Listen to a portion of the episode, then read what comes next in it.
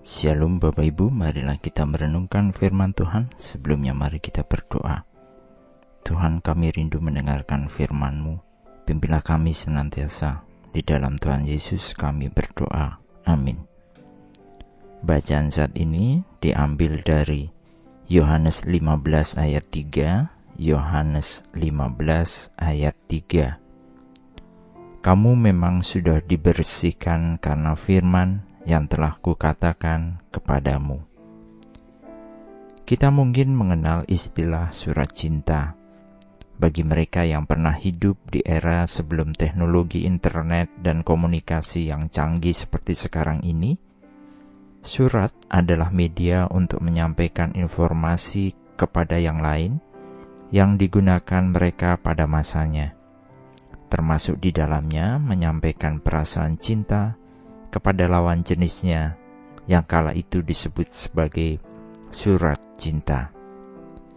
Surat cinta berisi ungkapan kata-kata, rasa suka, kagum, pujian, bahkan keinginan untuk memiliki yang disampaikan suatu pasangan, dan ini akan membekas di dalam hati pikiran si penerimanya. Bagi kita, umat yang percaya, Alkitab adalah surat cinta Tuhan kepada kita manusia. Alkitab menjadikan kita melihat dan mengenal Tuhan. Alkitab mengungkapkan karakter dan sifat Tuhan, kedaulatan dan kekuasaannya, serta alasannya untuk menciptakan kita, alam semesta dan segala isinya. Bahkan dari Alkitab ini, bagaimana Tuhan berurusan dengan manusia, kebaikan dan kasih karunia-Nya, kekudusan dan keadilannya, belas kasihan dan kasih sayangnya tergambar jelas di dalam firman-Nya. Seperti juga dalam bacaan saat ini, firman Tuhan membersihkan kehidupan kita. Yesus Kristus adalah firman Tuhan yang menjadi daging, dan semua yang percaya kepadanya dibasuh, dikuduskan, dan disucikan.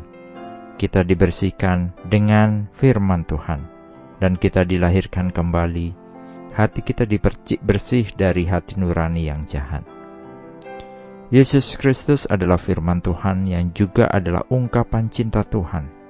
Bahkan cinta Tuhan itu sendiri bagi umat manusia keinginannya untuk memiliki bahkan mengubah kita manusia untuk datang kepadanya menjadi miliknya. Kita telah diberi janji-janji yang senantiasa ditepatinya. Bahkan segala kebutuhan kita pun Tuhan mengenalnya. Sungguhlah hidup kita hendaknya bersyukur ketika kita mau mengenal bahkan datang kepadanya.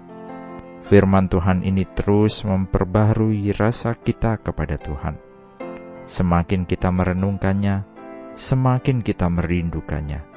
Seperti halnya surat cinta, ungkapan-ungkapan yang ada di dalamnya menyegarkan jiwa kita.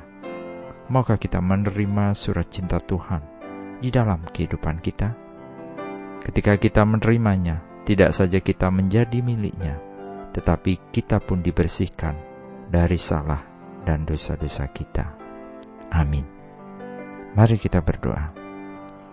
Bapak Surgawi terima kasih karena oleh kasih karunia melalui iman kepada Tuhan, juga ketika kami mendapatkan surat cinta Tuhan berupa firman yang kami dengar dan renungkan, menjadikan kami bertumbuh dalam kasih karunia hari demi hari. Kami berdoa dan memohon agar hidup kami terus dibersihkan setiap waktu, dan biarlah kami senantiasa ada tinggal di dalam firman, dan biarlah firman ada di dalam hidup kami. Di dalam Tuhan Yesus kami senantiasa berdoa dan memohon. Amin. Tuhan Yesus memberkati. Shalom.